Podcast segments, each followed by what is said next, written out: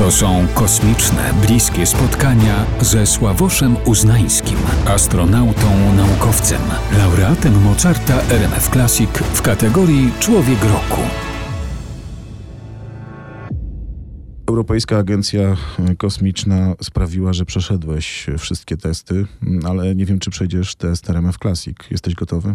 No nie wiem, zobaczymy. Postaram się. Dobrze, możesz odpowiadać krótko na temat, a my potem sprawdzimy tabelę wyników. Góry czy woda? I jedno i drugie, tutaj nie mogę zdecydować. Często jestem i w górach i dorastałem żeglując, tak dzisiaj również żegluję i dzielę się swoim żeglarskim doświadczeniem z innymi. Dokończ zdanie. Skrzypce to? Instrument muzyczny. Na którym? Grałem jak byłem dzieckiem. Mhm. Gdy miałem 5 lat chciałem być? Astronautą. Już? No tak, urodziłem się 12 kwietnia w rocznicę Gag lotu Gagarina w kosmosie i myślę, że tak mi to towarzyszyło od, od, samych urodzin. To jest człowiek, który odpowiada na dwa pytania y, naraz jednocześnie, bo kolejne było, co robił Gagarin 12 kwietnia 1961 roku. To jest data dla ciebie ważna? O, bardzo ważna. Myślę, że myślał o tych moich urodzinach kilkanaście lat później. Mm. No dobrze, to jeszcze jedna ważna kwestia y, z formularza pytań RMF Classic. Przy pracy muzyka pop, hard rock czy muzyka instrumentalna? Prawidłowa odpowiedź muzyka instrumentalna. Odpowiedz dlaczego. E, dlaczego? Bo Hans Zimmer i Interstellar. No myślę, że dlatego. Mhm. Ale naprawdę? Tak. Lubisz? Tak, lubię i mam y, koleżankę w Genewie, która mnie zaprosiła jeszcze przed ogłoszeniem wyborów i, i nauczyła się y, tego numeru Inster mm, Interstellar, tak, y, instrumentalnego na harfie, który zagrała dla mnie i dla znajomych, także bardzo lubię muzykę Hansa Zimmera. Twoje akcje były od dłuższego czasu w wysoko, a teraz są bardzo wysoko od kilku miesięcy. Po tym, co się wydarzyło, do tego oczywiście e, wrócimy. Ty jesteś człowiekiem na taką popularność gotowym? Nie wiem, przyzwyczajam się. To jest dla mnie nowa sytuacja. Mhm. E, staram się w niej odnaleźć, ale również staram się jak najlepiej ją wykorzystać po to, żeby popularyzować naukę i, i edukację, która uważam, że jest bardzo ważna. Powiedziałeś, że jak miałeś 5 lat, to już wtedy wiedziałeś, że hmm, astronauta to jest coś. E, kiedy to pierwsza myśl myśl o mm, tym, że warto mm, myśleć wyżej, tak naprawdę bardzo wysoko się u ciebie e, pojawiła. Skąd to zainteresowanie, no właśnie, i kosmosem, i inżynierią? Tak, i myślę, że y, pozycja astronauty łączy jedno i drugie. Ja zawsze byłem zainteresowany, od kiedy byłem dzieckiem, jak działa świat dookoła nas. Słyszałem, że z bratem coś majstrowaliście. E, majstrowaliśmy różne rzeczy, budowaliśmy. E, kiedyś nam się zdarzyło rozłożyć starą szafę w piwnicy. Jak mama nie patrzyła, do piwnicy nie schodziła, a my z tej szafy zbudowaliśmy rampę do skakania na, na rolkach i deskorolce. Także myślę, że tak się zaczęło. Lubiłem zawsze budować różne rzeczy, rozumieć jak świat działa, ale również eksplorować, jeździć, żeglować i zwiedzać nowe miejsca. A myślę, że kosmos jest nadal dla nas do zwiedzenia. No, mam taką nadzieję. Jest życie w kosmosie? Myślisz takie, o którym nie wiemy, o którym cała popkultura grzmi od, no, lat. No nie wiem, czy jest takie życie, o którym nie wiemy. Mm. Na pewno będziemy starać się je znaleźć. To po mm. pierwsze, a wiemy, że poza kulą ziemską istnieje życie. Przede wszystkim astronautów na Międzynarodowej Stacji Kosmicznej. Także mam nadzieję, że tam polecimy jako ja osobiście, ale też również my jako Polacy. Ponad 22 tysiące kandydatów z całej Europy pokonałeś e, e, w trwających półtora roku eliminacjach Europejskiej Agencji Kosmicznej. To była na pewno gigantyczna praca. To były setki testów e, jak, ty, jak się do tego można przygotować? To są przygotowania, do których się przygotowujesz mentalnie latami? Jak to jest? Ja wiedziałem już w 2008 roku, że chciałbym aplikować, jeżeli by taka była możliwość, ale my jako Polacy nie mogliśmy aplikować. Nie byliśmy członkiem Europejskiej Agencji Kosmicznej, której członkiem jesteśmy od 2012 roku. Także to po pierwsze czekałem na, na, na, taką selekcję i w końcu się doczekałem. Nie wiedziałem, czy to będzie mi dane, bo jednak mimo wszystko od 2008 do 2021 minęło, policzmy to szybko, 13 lat. Mhm. Jak się można przygotować? E, zawsze lubiłem kosmos, budowałem technologie kosmiczne jako inżynier. E, czułem, że jeżeli będę miał taką możliwość, to na pewno będę aplikował i tak się złożyło, że mogłem. A mm. jak się przygotować? po prostu budować karierę, y, budować swoją ekspertyzę, być dobrym w tym, co się robi, ale jednocześnie być wystarczająco otwartym, żeby uczyć się e, zdobywać wiadomości z dziedzin, w których nie jest się ekspertem i myślę, że te dwie rzeczy, połączenie tych dwóch rzeczy jest ważne. Mhm, a trzeba być perfekcjonistą do tego, bo ja mam wrażenie, że twoja kariera właśnie to pokazuje, że ty nie odpuszczasz odpuszczasz? Nie odpuszczam. To e, raczej e, mi się nie zdarza. Jest to dla mnie trudne, żeby odpuścić.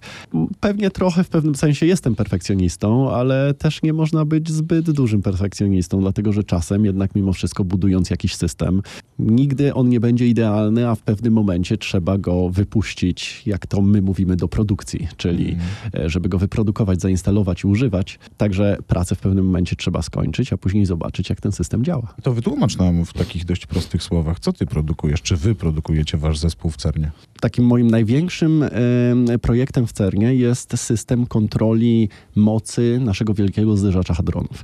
Także my, CERN sam w sobie jako instytucja jest bardzo dużym odbiorcą energii elektrycznej. Dzisiaj w kryzysie energetycznym na przykład zamknęliśmy nasz program fizyki wcześniej w zeszłym roku po to, żeby pomóc Europie, a my konsumujemy tyle, co kanton genewski, mniej więcej co między milion a półtora miliona ludzi, którzy żyją w regionie. Także em, ta dystrybucja naszej mocy jest bardzo ważna i musi być bardzo niezawodna. A niezawodna musi być również w warunkach tych akceleratorów, gdzie mamy promieniowanie, gdzie elektronika pada i to jest moja specjalizacja. Budowanie systemów elektronicznych, które są niezawodne, które będą działać niezależnie od swoich warunków środowiskowych. No, czyli tak trochę jak historia Sławosza Uznańskiego, znasz człowieka. No dobrze, ale wracając do tego, bo tu powiedziałeś o kilku ważnych elementach i o jednego, o jeden z nich chciałbym cię dopytać i zaczepić się, bo ty też z tego co wiem świadczysz usługi wolontaryjne, to znaczy jak się do CERN-u trafi, to tam e, taki Sławosz może oprowadzić i powiedzieć o co chodzi, tak? To prawda? Oczywiście, CERN jest bardzo otwarty. Ja wszystkich Was zapraszam, e, słuchaczy, po to, żeby e, zorganizować wycieczkę do CERN-u. Można e, wejść na stronę internetową i dostać bilet, żeby zjechać pod ziemię, czasem zobaczyć akcelerator albo inne miejsce w, w CERNie, gdzie przeprowadzamy czy doświadczenia fizyczne, czy na przykład nasze centrum komputerowe. Także CERN jest bardzo otwarty. Co roku dziesiątki tysięcy osób albo setki tysięcy osób przyjeżdżają, żeby CERN zwiedzać, a im więcej, tym lepiej, dlatego że naszą, jednym z naszych głównych powodów istnienia jest również przekazywanie wiedzy do takiego powiedzmy sobie general public, czyli do, do wszystkich, którzy rzeczywiście chcą naszą infrastrukturę zwiedzić i są zainteresowani nauką. Jak to mówią młodzieżowo, za to wielki szacun, bo widzę też przez twoje media społecznościowe i przez informacje z dobrze poinformowanych źródeł, że ten cel edukacyjny jest dla ciebie ważny, co jest bardzo y, też ciekawe, dlatego że wiesz, mając tyle zajęć y, i teraz jeszcze, no, będąc też pod taką dużą presją medialną, mógłbyś powiedzieć, dobra, to teraz dalej rozwijam karierę, a dla ciebie ten element edukacyjny jest częścią tej drogi. Tak, zdecydowanie i myślę, że to jest ten najważniejszy element, jest element, y, ten element edukacyjny, dlatego że nowa generacja ludzi będzie budowała technologię. Młodych dzisiaj ludzi, którzy wejdą na rynek pracy, będą budowali nasz, naszą gospodarkę, technologię nowoczesną, z której później będziemy korzystać czy jako Polska, czy jako Europa. Także mm, myślę, że w edukację zawsze warto inwestować. Dobrze, to teraz przejdźmy do twojej edukacji, cofnijmy się trochę lat wstecz. To jak to było z tymi skrzypcami u ciebie? No bo skoro edukacja, dlaczego zakończyłeś edukację muzyczną? Musiałem wybrać albo ym, kontynuować sport, albo skrzypce. Żeglowałem, po treningach miałem spięte y, mięśnie i palce rąk, a później e, treningi, e, jakby e, nauka gry na skrzypcach nie szła dobrze w parze, no i podjąłem taką decyzję w pewnym momencie. A mogłeś być dobry w, ze skrzypiec, tak? Może, może mogłem, może nie. Ciężko mi teraz powiedzieć z perspektywy czasu. Dzisiaj pewnie nie umiałbym niczego zagrać. Ja wiesz, ja dotykam tego wątku tak zupełnie szczerze, dlatego że on wydaje mi się szerszy w historii twojego życia, dlatego że znowu dobrze poinformowane źródła donoszą, że korzenie twojej rodziny to są takie korzenie bardzo mocno humanistyczne. A, zgadza się. Ja widzę, że macie bardzo dobre źródła. Najlepsze. Tak, e, oboje moi e, rodzice, mama i tata są historykami sztuki. E, Zawsze byli związani z sztuką, szczególnie regionalną łódzką. I e, tutaj prowadzą galerię w Łodzi, także ja wychowałem się w środowisku dosyć artystycznym, e, takiej łódzkiej, undergroundowej muzyki e, wokół szkoły filmowej i w środowisku artystycznym łódzkim. Mhm, Czyli gdybyś poszedł do jakiegoś muzeum e, no z Genewy, to tam do Brukseli będzie rzut dużym beretem i wpadł do Muzeum Starych Mistrzów, to spokojnie byś powiedział, a to jest Bosch, to jest Bruegel, to jest Kramek. Tak, da, dałbyś radę. No nie wiem, czy aż tak bardzo, ale mógłbym się postarać.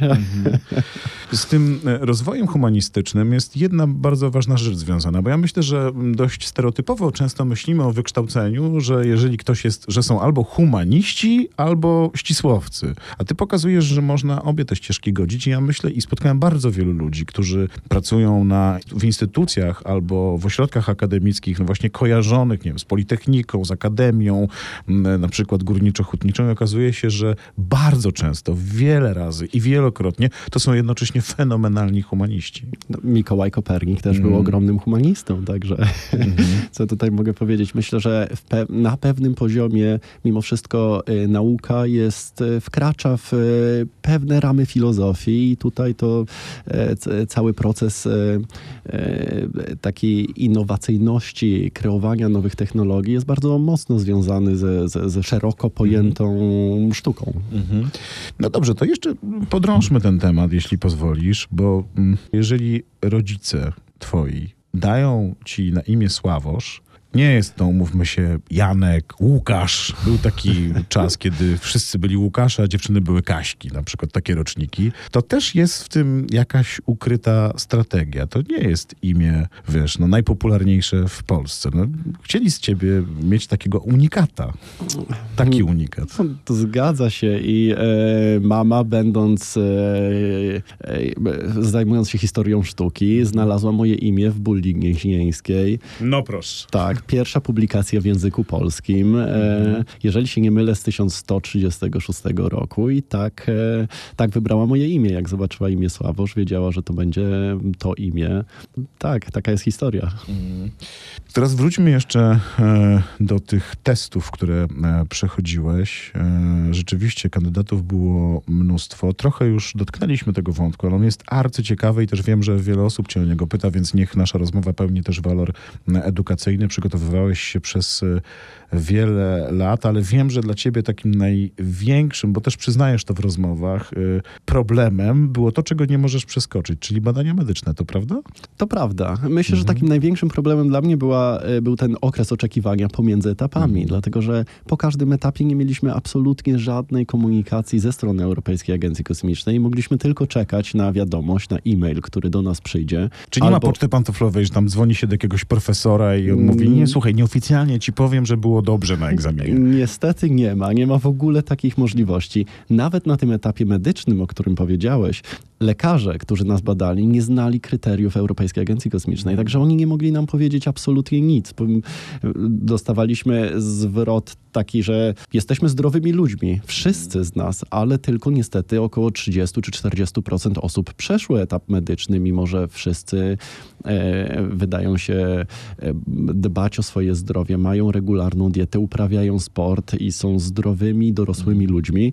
Tak czy inaczej, Europejska Agencja Kosmiczna ma dosyć restrykcyjne kryteria. Rozumiem, że to był jakiś cykl badań wydolnościowych. Były badania wydolnościowe, natomiast ich nie było za dużo i te badania mhm. wydolnościowe myślę, że są moim mocnym punktem. Ja liczyłem troszeczkę na więcej. Mieliśmy takie testy wysiłkowe, ale to był tylko, było tylko jedno badanie mhm. podczas całego tygodnia medycznego, który spędziłem w szpitalu, gdzie badań mieliśmy praktycznie co godzinę czy co dwie godziny nowy lekarz, e, nowe badania, e, gęstość kości, czy obrazowanie głowy, rezonans mhm. magnetyczny, e, badania okulistyczne. Mieliśmy trzy sesje, trzygodzinne badań okulistycznych samych. Także i dermatolog, dentysta, psychiatra, jakby przez wszystkich lekarzy powoli musieliśmy przejść. Nie, nie boli cię to, że szukano takiego człowieka idealnego, a przecież wiemy doskonale, że człowieka idealnego nie ma. Zgadza się, ale też nie ma czegoś takiego jak zdrowie idealne. Mm. Także ważne jest, żeby kandydaci, którzy przeszli te badania medyczne, byli zdrowymi ludźmi, ale i również ESA sprawdza, w jaki sposób na, na poziomie swoich modeli ludzie będą się starzeć, dlatego że wybór, wybór astronauty jest bardzo długoterminowa inwestycja. Na testy psychologiczne? E, był cały jeden etap.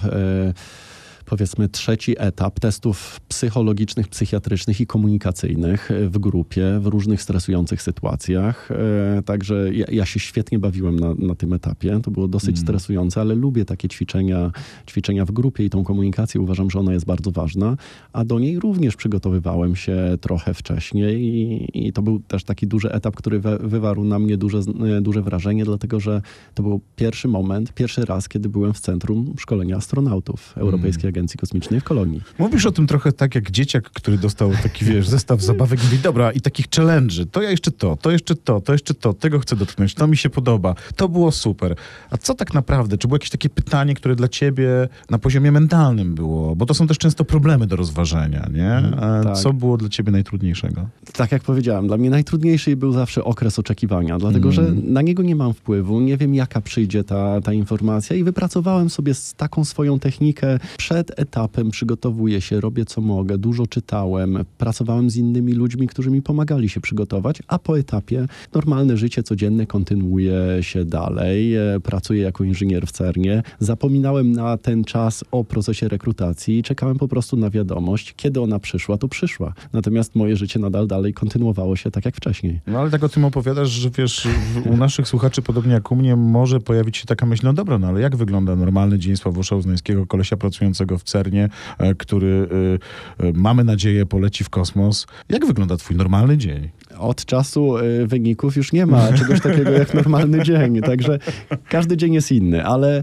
nadal jestem inżynierem, buduję systemy wraz ze swoim zespołem y, w CERN, także przychodzę do pracy, siadam w swoim biurze, mam spotkania, tak jak każdy inny, budujemy systemy z innymi inżynierami. Natomiast jest oczywiście duży teraz komponent, taki jak my dzisiaj rozmawiamy, rozmów z mediami, troszeczkę rozmów mimo wszystko z rządem i starania się budowania potrzeby e, w Polsce, żeby e, tą technologię kosmiczną rozwijać. A mamy potencjał? Myślę, że mamy ogromny potencjał inżynierski w Polsce. Brakuje nam troszeczkę kompetencji w stosunku do krajów zachodnich, które mają ogromną historię budowania sprzętu kosmicznego i musimy, musimy się od nich po prostu uczyć, współpracując. Mm, Ja widziałem mm, to na przykład na przykładzie Krakowa. Rzeczywiście AGH ma bardzo fajne koła studenckie, no chociażby to koło, gdzie łazik naprawdę podbija nie tylko Europę, ale świat z ekipy Space System, która również była nominowana w kategorii, jednej z kategorii w mocnej rzeczy, Mozartów, ale wiem, że też świetną mają ekipę od rakiet i mógłbym tak długo, długo wymieniać. No, ewidentnie widać, że ci młodzi ludzie i też uczelnie coraz bardziej nastawione są i na nowe technologie, i na rozwiązania, że są z tym związane jakieś dotacje e, i że te drużyny, te grupy są naprawdę bardzo duże, bo w przypadku Space Systems to jest chyba 31 osób e, e, i każdy ma jakąś tam robotę, jak właśnie w takim zespole podzieloną, no to pokazuje, że po pierwsze mamy się czym chwalić, ale trzeba, jak rozumiem, no to wspomagać, nie? Zdecydowanie. I tutaj nie mógłbym się, podpisuję się obiema rękami pod tym, co powiedziałeś. Myślę, że kosmos jest bardzo inspirujący dla młodych ludzi i myślę, my jako dzieci, dużo osób, e, czy dziewczynek, czy chłopców marzy o tym, żeby polecieć w kosmos, patrzą w niebo i prowadzę warsztaty z dziećmi, które wiedzą tyle o systemie naszym, y, systemie słonecznym, że jestem za każdym razem zdziwiony. I zastanawiam się, kiedy my tracimy tą wiedzę i tracimy tą inspirację.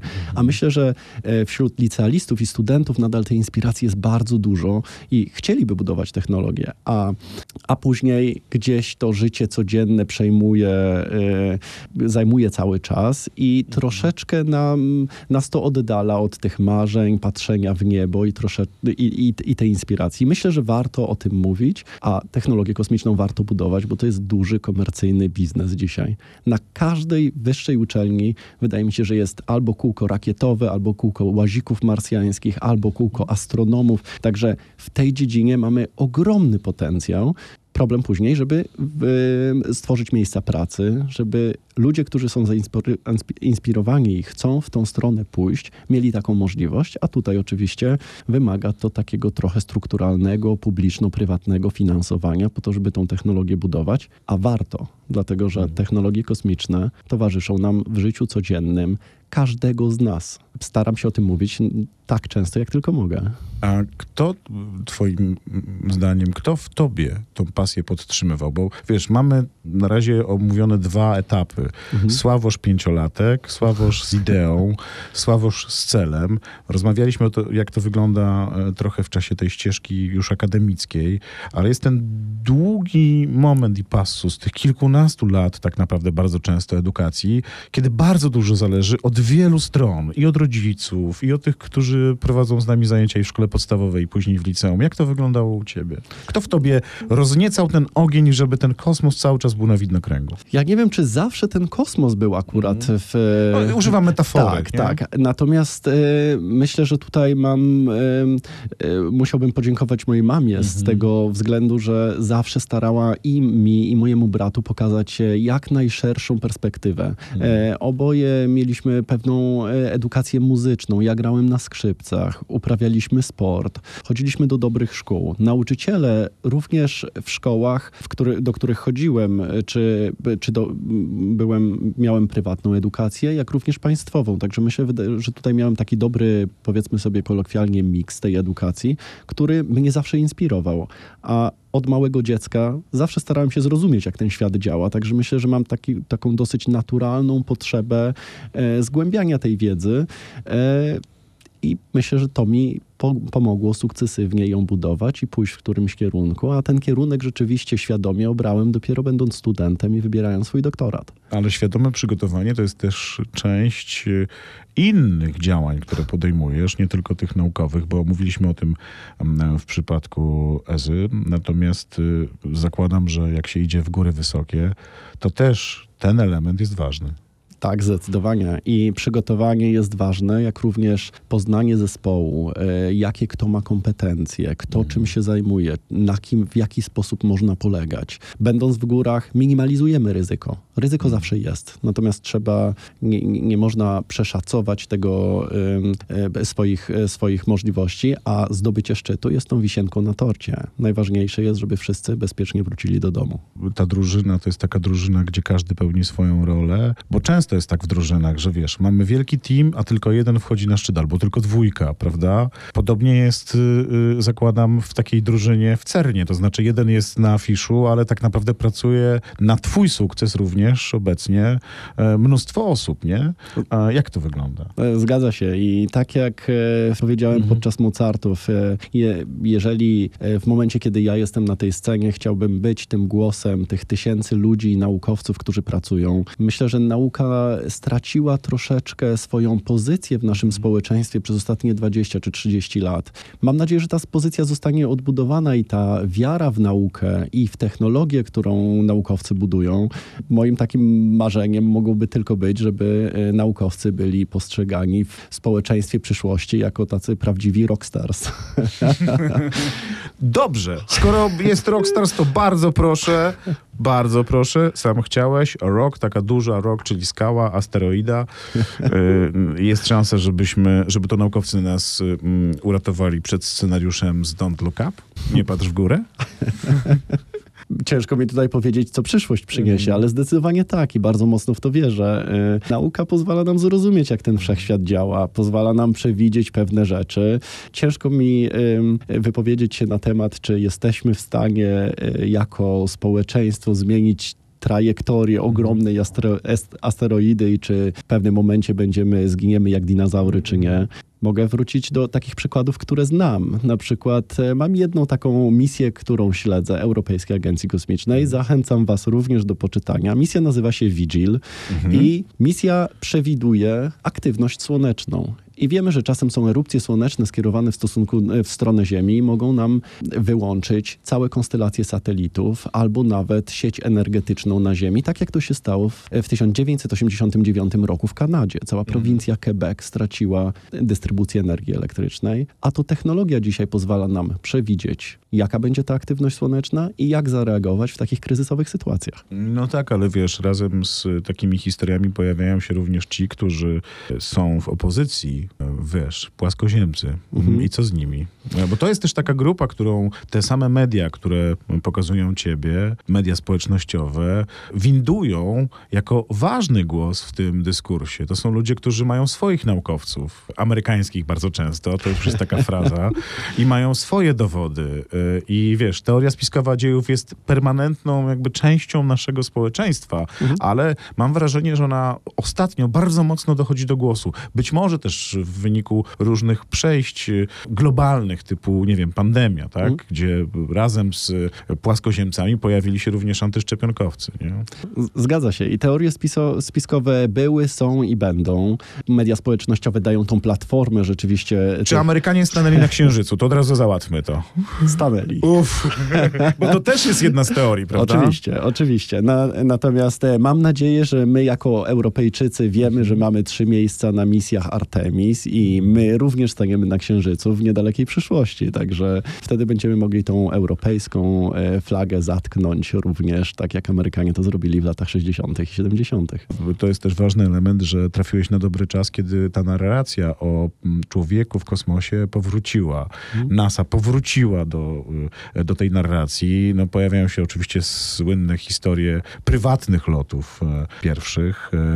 Prywatne loty już istnieją mhm, tak. i misje załogowe prywatne na Międzynarodową Stację Kosmiczną również istnieją. Także tutaj mówimy dzisiaj o rzeczywistości. Jak bardzo to jest skalowalne w przyszłości, ciężko, ciężko powiedzieć. Myślę, że to jest pewien, e, również pewna platforma, taka, która interesuje ogólno, jest, jest duże zainteresowanie takie ogólnospołeczne mhm. prywatnymi lotami kosmicznymi i dobrze, dlatego że to również jest platforma edukacyjna, po to, żeby mówić o technologiach kosmicznych. Na, wydaje mi się, że y, tej misji Inspiration One, ta misja została y, również rozpromowana w mediach społecznościowych po to, żeby zrobić dużą crowdfundingową kampanię y, medyczną, która zebrała kilkaset milionów dolarów na to, żeby budować technologię, żeby pomóc pewnej części społeczeństwa. Myślę, że to, również jest bardzo ważna platforma. A wrócę do tego, co mhm. zapytałeś o teorie spiskowe, mhm płaską ziemię.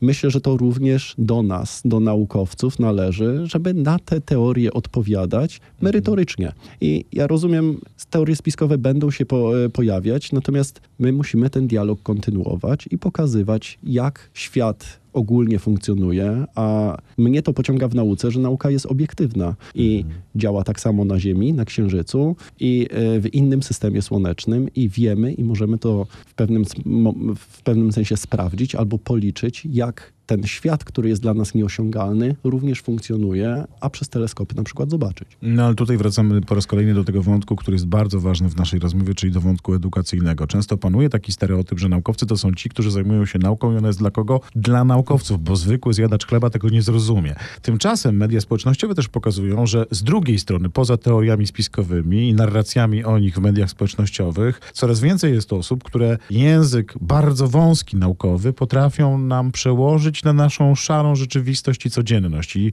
I, chyba takich osób trzeba szukać, takich ambasadorów nauki. Zdecydowanie się zgadzam i myślę, że to jest ważne. I również jakbym mógł przekazać e, słuchaczom, wybierajcie te źródła, z których czerpiecie informacje, sprawdzajcie, e, e, jak wiarygodne są te informacje i jakby śledźcie tych, których warto.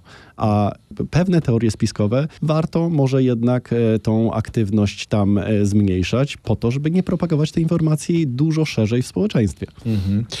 Natomiast to, to jest ważne, żeby te głosy również były słyszane, bo one pozwalają naukowcom rzeczywiście przekazać lepszą informację i wytłumaczyć, jak jest naprawdę, bazując na danych, które są rzeczywiście obserwacją rzeczywistości. W jakiej przestrzeni ty się czujesz naprawdę wolny? Ja wiem, że to takie pytanie osobiste i też jednocześnie metaforyczne, ale myślę, że mogę je zadać, bo robisz tak wiele rzeczy, że y, wiesz, można mieć takie myślenie, że jak człowiek robi bardzo dużo, to nagle okazuje się, że nie ma przestrzeni takiej wolności. Znaczy, że tak dużo pracuje y, nad tak różnych przestrzeniach, że, że nie ma tego momentu oddechu. A kiedy ciebie dopada to to świetne poczucie, że wiesz, że tu, w tym miejscu, teraz jesteś człowiekiem wolnym.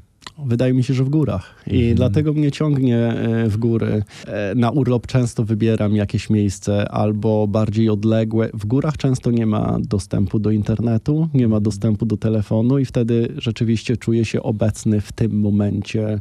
Bardzo taki e, mocno stąpający po ziemi, e, po, po tych górach, ale również doświadczający tego świata do, dookoła. Także To tam łapiesz ten balans między tym, wiesz, y, w co już jesteś skanalizowany, czyli tym pędem, w który teraz wpadłeś, y, i o tym, żeby jednak zachować mentalnie Sławosza sprzed tego wielkiego wybuchu. E, zgadza się, tak. E, potrzeba mi zazwyczaj koło dwóch dni, tak żeby się troszeczkę uspokoić i, i e, e, no, powiedzmy sobie posprzątać w głowie, znaleźć ten balans, a później mogę tak naprawdę cieszyć się tym, e, tym momentem. No jednak ten pęd życia dzisiaj jest dosyć duży, a szczególnie od ogłoszenia wyników. Jeszcze wróćmy do spraw związanych z e, samymi testami, e, bo tak sobie myślałem, e, to jest pytanie trochę pogłębiające ten wątek psychologiczny, bo odprysk tak naprawdę, ale wiesz, ja często mam takie drobiazgi, które bardzo mnie zastanawiają. Takim drobiazgiem było w kontekście wojny w Ukrainie to, że Międzynarodowa Stacja Kosmiczna, gdzie byli również w części załogi, była ekipa z Rosji i nagle trzeba było ustanowić zupełnie nowy schemat komunikacji albo wdrożyć e, e, wiesz, schemat komunikacji. Czy takie rzeczy też przerab przerabialiście albo przerabiacie, że na przykład macie, wiesz, wielokulturową, wielonarodową ekipę i nagle na ziemi dzieje się coś, na co nie macie wpływu. I trzeba wdrożyć jakieś procedury poza tymi politycznymi, żeby na tej stacji się dogadać. E, Zdecydowanie, tak. To, to jest bardzo duży temat. Na dzień dzisiejszy e, współpraca z Roskosmosem, czyli tą rosyjską agencją kosmiczną, jest e, kompletnie zawieszona.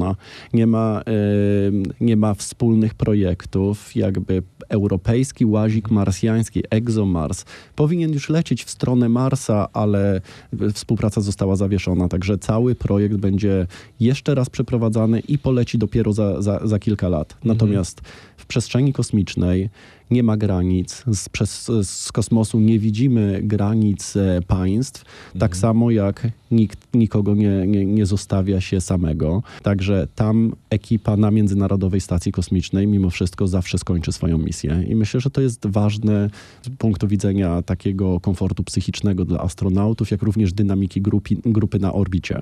Natomiast tak jak powiedziałem, już absolutnie żadnej współpracy tutaj e, pomiędzy Europejską Agencją Kosmiczną NASA czy Rosyjską Agencją Kosmiczną na Ziemi nie ma. Ty masz jakiś taki notes, w którym masz kolejne cele do odhaczenia?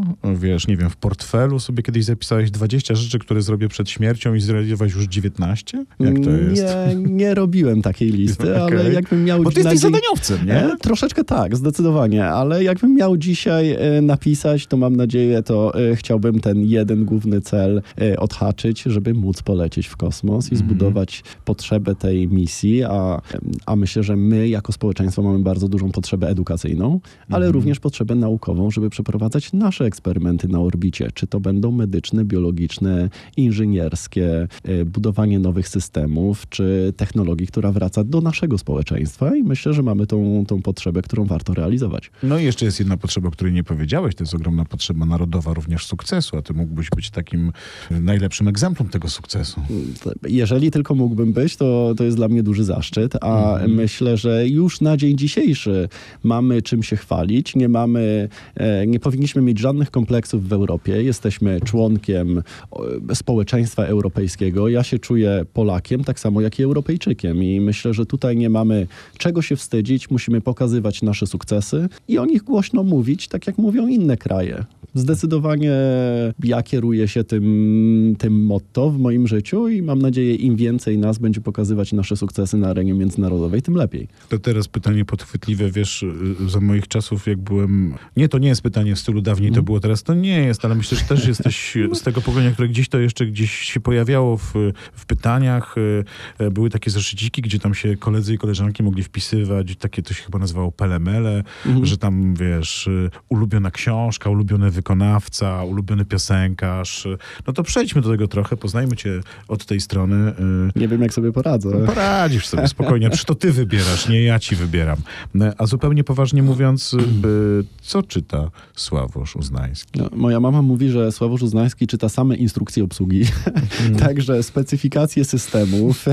Chociaż wbrew pozorom nie jest takie proste. Ja polegam na większości instrukcji obsługi, są one napisane tak nieprawdopodobnie nie po polsku, że właśnie, no to jest trochę jak z naukowcami, nie? To znaczy są rzeczy czasami mega proste, które język tak hermetyzuje, że nie da się tego potem złożyć. E, zgadza się, zgadza się. Ja mam na swojej liście, moja y, półka z książkami rośnie, a nie mam kiedy ich przeczytać, także mam kilka takich pozycji, które zdecydowanie chciałbym. I są to? Na przykład y, dostałem piękną książkę z dedykacją od generała Hermaszewskiego, mm. której jeszcze nie miałem czasu zacząć i bardzo chętnie chciałbym mm. w któryś weekend, a może na wakacjach y, wziąć książkę i przeczytać. Teraz nie wiem, czy ci tego życzyć, bo to jest tak, jak ci z jednej strony będę życzył, to pomyślisz sobie, że możesz sobie pomyśleć, że nie życzę ci tego, żebyś wpadł do tego głównego teamu i żebyś jednak poleciał, a jak, no jak nie będę ci życzył, to też nie wypadnę dobrze. No to co mam zrobić? No, możesz mi życzyć przeczytania tej książki na najbliższej misji e, kosmicznej. No właśnie, a da się zabrać książkę, czy zabiera się czytnik?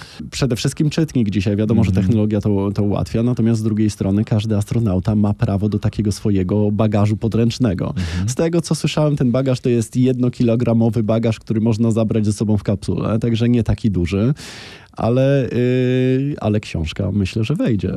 No a już myślałeś o tym, co byś zabrał? No myślę, że yy, zabrałbym przede Bo wszystkim... Bo jesteś skrupulatny i jesteś perfekcjonistą, no to słucham. Tak. Yy, I takie pytanie pojawiło się podczas procesu rekrutacyjnego mm -hmm. nawet, także ja jestem dosyć przygotowany To jest trochę pytanie, co byś ze sobą zabrał na bezludną wyspę, tak? Tak, ale ja wiem, co bym zabrał. Zabrałbym przede wszystkim zdjęcia rodziny, bliskich przyjaciół i tych miejsc na Ziemi, które lubię, bo z kosmosu wszystko pięknie wygląda, wygląda, ale nie można zobaczyć tych miejsc z bliska. Myślę, że to jest ważne, żeby w trudnym momencie albo y, siedząc wieczorem y, w, tej swojej kajucie, w której się śpi, mieć mimo wszystko to połączenie nadal z powrotem z tym, co czeka później po powrocie. Także dla mnie to byłoby taki na, na, najważniejsza rzecz, którą bym zabrał, to właśnie te miejsca i ludzi ze sobą, do których, y, którzy by mi pomagali przetrwać trudne momenty. Czasami jest taka naturalna tęsknota. Ja tak mam, przyznaję szczerze, że jak gdzieś jestem, mhm to chciałbym być w innym miejscu. Mm. Y, wiesz o czym mówię? Mówię o tym, że, że nie, myśla, nie myślałeś o tym, że możesz mieć tak, że teraz cały czas gdzieś w głowie y, myślisz kosmos, kosmos, kosmos, kosmos, a jak tam będziesz, czego ci bardzo życzę, to będziesz myślał ziemia, ziemia, ziemia? Myślę, że może tak być, ale też e, dzień będzie tak wypełniony różnymi eksperymentami, e, e, utrzymaniem stacji kosmicznej, że tego czasu nie będzie tak relatywnie mm. bardzo dużo treningiem. Przecież astronomia astronauci codziennie trenują dwie godziny, żeby utrzymać swoją sprawność fizyczną później do powrotu na Ziemię, dlatego że przez brak grawitacji mimo wszystko ciało ludzkie i kości stają się e, lżejsze, odwapniają się i tracimy mm. całą muskulaturę. Także, także ten dzień jest wypełniony bardzo mocno, mm. ale myślę, że bardzo ważne są również te momenty z innymi astronautami, żeby jednak współpracować, mieć ten, te momenty integracyjne, ale od czasu do czasu również pomyśleć o tym, co się dzieje w domu, na mm. ziemi i móc myślami przynajmniej wrócić do, e, do rodziny i bliskich. Także e, ciężko mi tutaj powiedzieć. Mm. Myślę, że to byłyby takie momenty bardzo wytężonej pracy, ale jednocześnie troszeczkę tęsknoty, że nie można spędzać tego czasu z innymi ludźmi bliskimi sercu. Natomiast myślę, że na wszystko przychodzi swój czas. No to tego czasu y, na realizację i jednego, i drugiego ci życzę, bo rodzina to może być i bliscy, ci, którzy jednocześnie uskrzydla, uskrzydlają i dają tego pozytywnego kopa. I z tego co wiem, to u ciebie tak jest. A z drugiej strony to też może być to coś y, ważne go w życiu człowieka, do czego warto wracać i co wbrew pozorom stabilizuje, nawet jak jesteś tam gdzieś wysoko, nie? No zdecydowanie, tak. Mm. No dobrze, no to w takim razie y, y, spotkanie spotkamy się następnym razem, mam nadzieję, kiedy już będziesz w, tej, y, w tym głównym teamie, a potem spotkamy się, jak już wrócisz i opowiesz. Co? No ja mam nadzieję, że jak już będę tam, e, jeżeli uda się rzeczywiście polecieć na Międzynarodową Stację Kosmiczną, to mam nadzieję, że nie jeden wywiad będziemy mogli przed, No tak, bo przecież przeprowadzić bezpośrednio. Tak, bezpośrednio z kosmosu. I myślę, że to jest ta platforma, gdzie wtedy ten czas trzeba maksymalizować. Ten mój cel edukacyjny Mhm. tam we mnie bardzo mocno siedzi, a myślę, że to jest to, co inspiruje najbardziej. Szanowni Państwo, Sławosz Uznański właśnie zadeklarował, i to będzie świetna puenta naszej rozmowy, że zostanie oficjalnie korespondentem RMF Classic z kosmosu. Zgadzasz się? Ja się zgadzam. Jeszcze Europejska Agencja Kosmiczna musi się pod tym podpisać, ale jak tylko będzie zielone światło, to na pewno uda się to zrealizować. A masz adres do nich? Zdecydowanie Będziemy tak. pisać, będziemy przekażę. pisać. Po, postaram się szefostwu przekazać, y, żeby, żeby pisali. Wielkie dzięki za szczerą, długą, wyczerpującą rozmowę. Życzę Ci powodzenia, zdrowia, pewności siebie i bliskich, którzy będą Cię uwznioślać i trzymać przy ziemi. Super. Dzięki. Dziękuję wam i pozdrawiam was. To są kosmiczne, bliskie spotkania ze Sławoszem Uznańskim, astronautą, naukowcem, laureatem Mozarta RMF Classic w kategorii Człowiek Roku.